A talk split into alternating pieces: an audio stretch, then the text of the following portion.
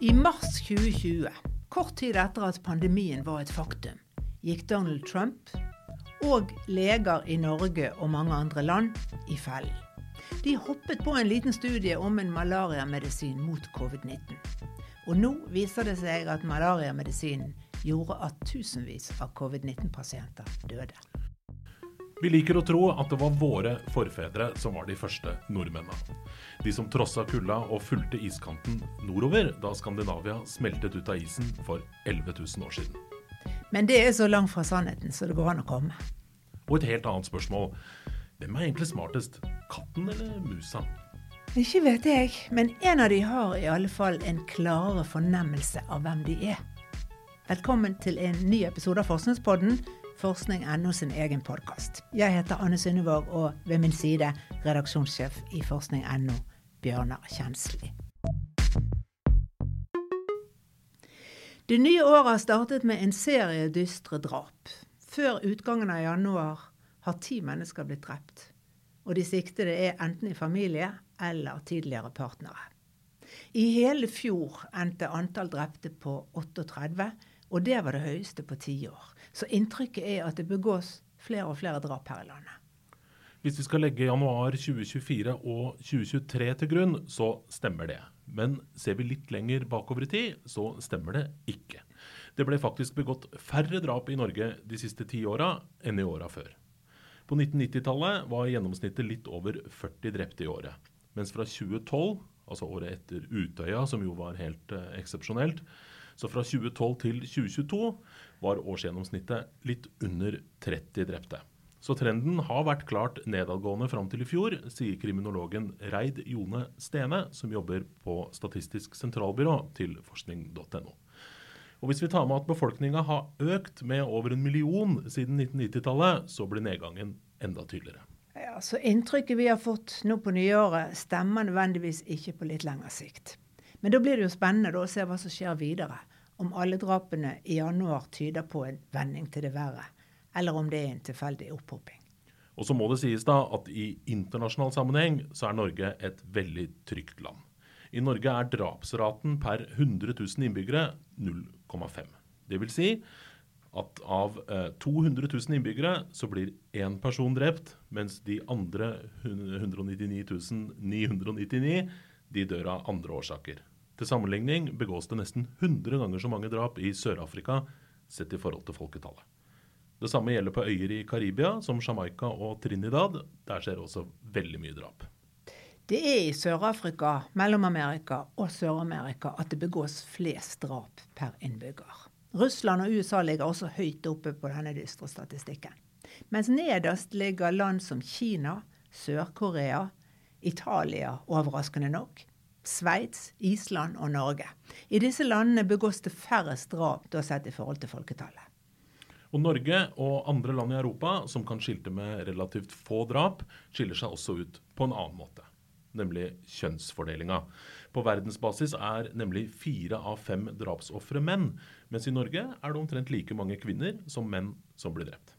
Og Det skyldes selvfølgelig at nesten alle drap i Norge er partnerdrap eller drap i nære relasjoner. Og da er kvinner mer utsatt enn menn. Ifølge VG er 89 av de som ble drept av partneren sin på 2000-tallet, kvinner. 11% menn. Og så er det veldig få drap i Norge der gjerningsperson og offer ikke kjenner hverandre. Da snakker vi sånn ett til to drap i året. Ikke noe mer enn det. Og selv om Norge har mange våpen per innbygger, det finnes mange jegere her i landet, så er det ikke haglen, men kniven som er det vanligste drapsvåpenet i Norge. I Danmark og i de fleste land i Europa er det også sånn. Mens i Sverige er det skytevåpen. Sverige er faktisk det eneste landet i Vest-Europa hvor skytevåpen er det vanligste drapsvåpenet. I USA og i Latin-Amerika er det også skytevåpen som gjelder. Sju av ti drap skjer ved skyting, og mange av dem er relatert til narkotikasmugling.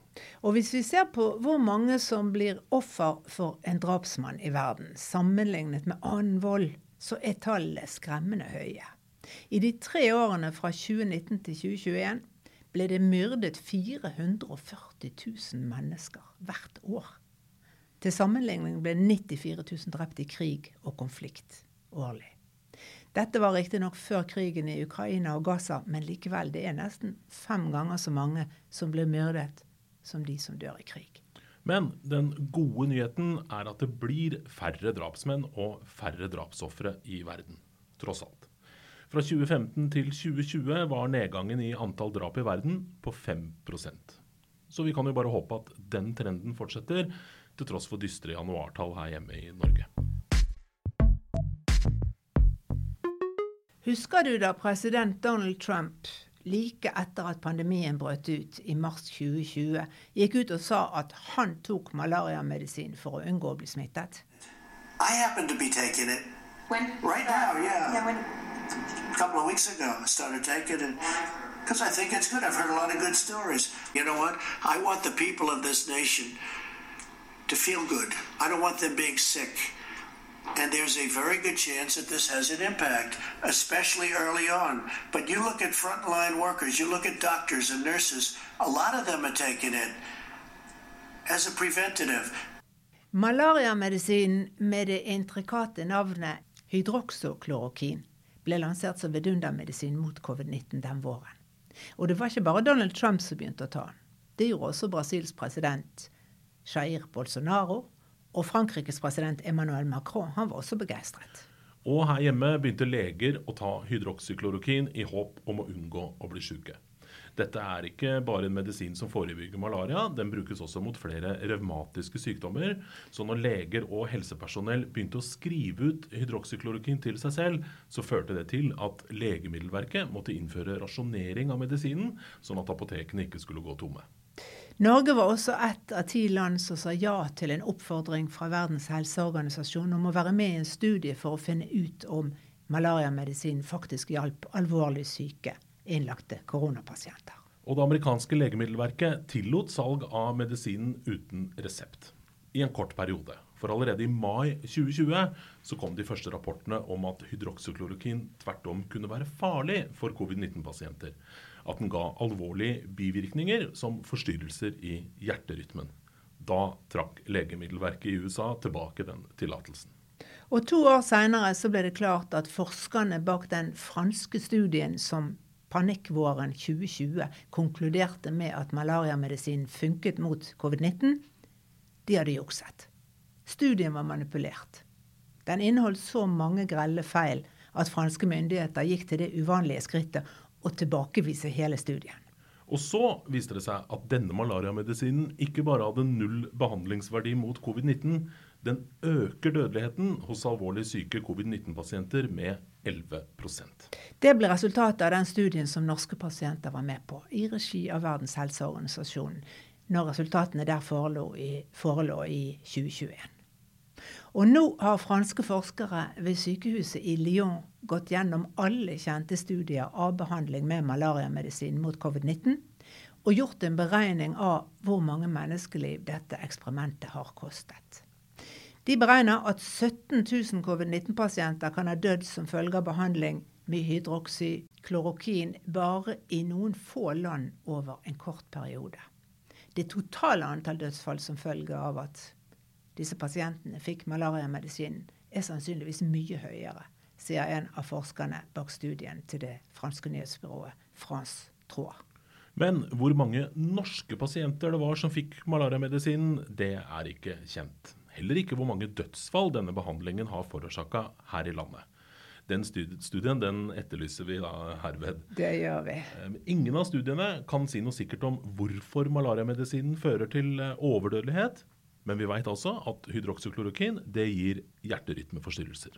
Og det vi kan si, sier den danske professoren og farmakologen Anton Pottegård i en kommentar til juksestudien som startet det hele, er at vitenskapen må skynde seg langsomt. Vi må lytte til de unge og eksentriske som utfordrer vedtatte sannheter, sier han. Men samtidig så må vitenskapen forankres i en viss konservatisme så vi ikke kaster all fornuft over bord og løper etter elendige hypoteser. Vi nordmenn liker å tenke at vi er etterkommerne av reinjegerne som fulgte iskanten nordover da Norge smelta ut av isen for 11 000 år siden. På skolen lærte vi jo at de første nordmenn var disse jegerne og sankerne som plukket østers og jaktet rein og sanket bær og sopp.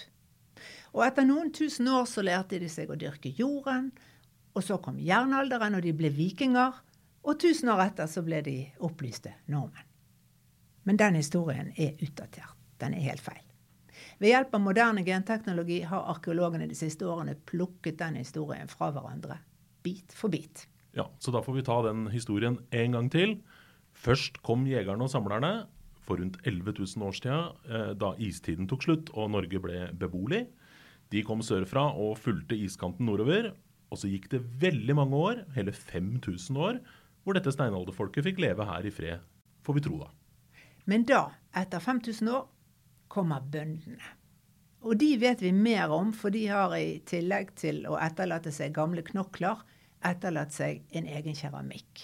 Så vi kan spore bøndene fra de begynte å dyrke jorden i Mesopotamia, i dagens Irak. Det var omtrent på samme tid som de første eventyrene nådde iskanten her oppe i nord. Og så hvordan de da vandret gjennom årtusenene langsomt vestover til Anatolia, som er dagens Tyrkia, og videre til Hellas og nordover i Europa. Og de nådde Lista og Oslofjordområdet rundt 4000 år før Kristus. Og da kom jordbruket og husdyrholdet til Norge. Ja, Men da var det ikke sånn at det kom noen opplyste bønder fra kontinentet og fortalte urfolket i Sør-Norge hvordan de skulle dyrke korn og holde husdyr, eller at begge folka fikk leve i Norge side om side i et flerkulturelt fellesskap. Slett ikke. DNA-analyser fra skjelettrester fra denne tiden viser at urfolket og bøndene ikke blandet seg med hverandre. I stedet så ble urfolket, jegerne og samlerne som hadde klort seg fast her gjennom lange 5000 år, utryddet da bøndene kom. De forsvant. Og spørsmålet er hvordan, hva som skjedde. Ja, Det veit vi ikke hele svaret på, men det forskerne er enige om, det er at bøndene de må ha tatt med seg nye sykdommer. Virus og bakterier som urfolket ikke hadde motstandskraft mot. Litt som når europeerne kom til Amerika og urfolket der døde av en rekke sykdommer som de da ikke hadde immunitet mot. Sånn som kopper og meslinger og kolera. Men bøndene som inntok Norge for 6000 år siden, kan ha utryddet urfolket her med vold også. Det mener hovedforfatteren av en ny studie som er publisert i Nature, arkeologen og dansken Anders Fischer. Han viser til at bondesamfunnene på den tiden i dagens Tyskland og Polen var krigerske. Arkeologene har funnet grøfter fulle av likrester som tyder på at det har pågått storskala kriger og organisert vold blant steinalderbøndene på den tiden. Og når Fischer og hans kollegaer konkluderer med at omtrent hele den opprinnelige urbefolkninga i Sør-Skandinavia forsvant da bøndene kom, så bygger det på en analyse av rundt 5000 DNA-profiler fra fortidsmennesker i Europa og Asia. Og de eldste er 30 000 år gamle. Men disse DNA-analysene viser mer enn som så. De avslører nemlig at befolkningen her nord ikke bare ble skiftet ut én gang, men to ganger. For tro det eller ei, tusen år etter at steinalderbøndene hadde inntatt Sør-Skandinavia, nå er vi altså kommet til rundt 3000 år før Kristus, da kommer det en ny invasjon som gjør at befolkningen blir totalt utskiftet igjen. Og nå er det steinalderbøndene som blir utryddet av nye krigerske innvandrere. Ja, og Denne gangen så er det et nomade- og gjeterfolk fra steppene i Vest-Asia som beseiler Europas fremtid. Jamnaiene kalles de. De er krigere som kommer i karavaner med ny teknologi. Med oksedrevne vogner, hester og stridsøkser som vi i ettertid skal kalle indoeuropeerne, altså våre forfedre. Og nå kan genteknologi avsløre at steinalderbøndene i Nord-Europa ikke overlevde invasjonen av dette gjeter- og krigerfolket fra steppene. Og metodene som genetikerne bruker for å finne ut av dette, er å analysere DNA-et i Y-kromosomet hos menn, som jo arves direkte fra far til sønn. Mens de hos kvinner ser på DNA i mitokondrie, som er cellenes kraftstasjon. Og mitokondrie-DNA det arves direkte fra mor til datter. Og Sånn oppdager de også at dagens europeere har litt ulik stamtavle, avhengig av kjønn. Det de ser, er at da nomadene fra Vest-Asia invaderte Europa, så utryddet de mennene som bodde der. Og ettersom jamnaiene som kom i hovedsak var menn, så fikk en del kvinner leve som de voldtok eller tok til kone, hva vet vi. Resultatet er i hvert fall at nordeuropeiske menn i dag nærmest utelukkende stammer fra jamnaiene, mens kvinnene også bærer noen gener fra steinalderbøndene. Men i Sør-Europa klarte ikke jamnaiene å utrydde steinalderbøndene i samme grad. Så søreuropeerne har beholdt flere gener fra steinalderbøndene enn det folka nord for Alpene har gjort. Så når nordeuropeerne er høyere og breiere enn søreuropeerne, så skyldes det arven fra jamnaiene. Og det er en annen arv også eh, som vi i Nord-Europa har fra jamnaiene. Og det kan nå forskergruppen til Fischer vise, for de har funnet en genvariant fra jamnaiene som disponerer for den autoimmune sykdommen multiple sklerose. De mener dermed å ha funnet forklaringen på hvorfor MS er mye mer vanlig i Norden enn i land lenger sør. Det skyldes rett og slett en genvariant som gjeterne fra steppene brakte med seg da de invaderte Europa for 5000 år siden. Ja, og hvorfor en sånn genvariant, som fører til alvorlig sykdom, har overlevd evolusjonen, det mener de skyldes at den varianten også har forsterka immunforsvarene til jamnaiene. Sånn at de ikke bukka så lett under for virus og bakterier fra de dyra som de temmet og levde så tett sammen med. Men når vi i dag da lever mye mer hygienisk og ikke så tett på husdyrene, så fører den samme genvarianten til at immunforsvaret blir overaktivert og går til angrep på kroppens egne celler istedenfor. Det er det som skjer når du får en autoimmun sykdom, som MS. Nettopp. Men tilbake til utgangspunktet. Nå vet vi at våre forfedre ikke har holdt til i det landet her i mer enn 5000 år, så vi er nesten nyankomne, vi, Anne. Og vi vet også at våre forfedre var noen krigerske typer. Det er også vår indoeuropeiske arv, enten vi liker det eller ikke. Ja, det var de. Jamnaiene de var et patriarkalsk kriger- og nomadefolk. Men de var lærende med, det skal de ha, så de lærte seg fort å dyrke jorda og bli bofaste, de også. Og Hvis du vil høre mer om hva som gjorde det mulig for steppefolket fra Vest-Asia å erobre nesten hele Europa på noen få århundrer, da kan du høre på Forskning.no sin podkast fra 2020, 'Alle pesters mor'. For forklaringen har etter alt å dømme også med en pest å gjøre. Vi legger ut en ny lenke til den podden på forskning.no sine sider.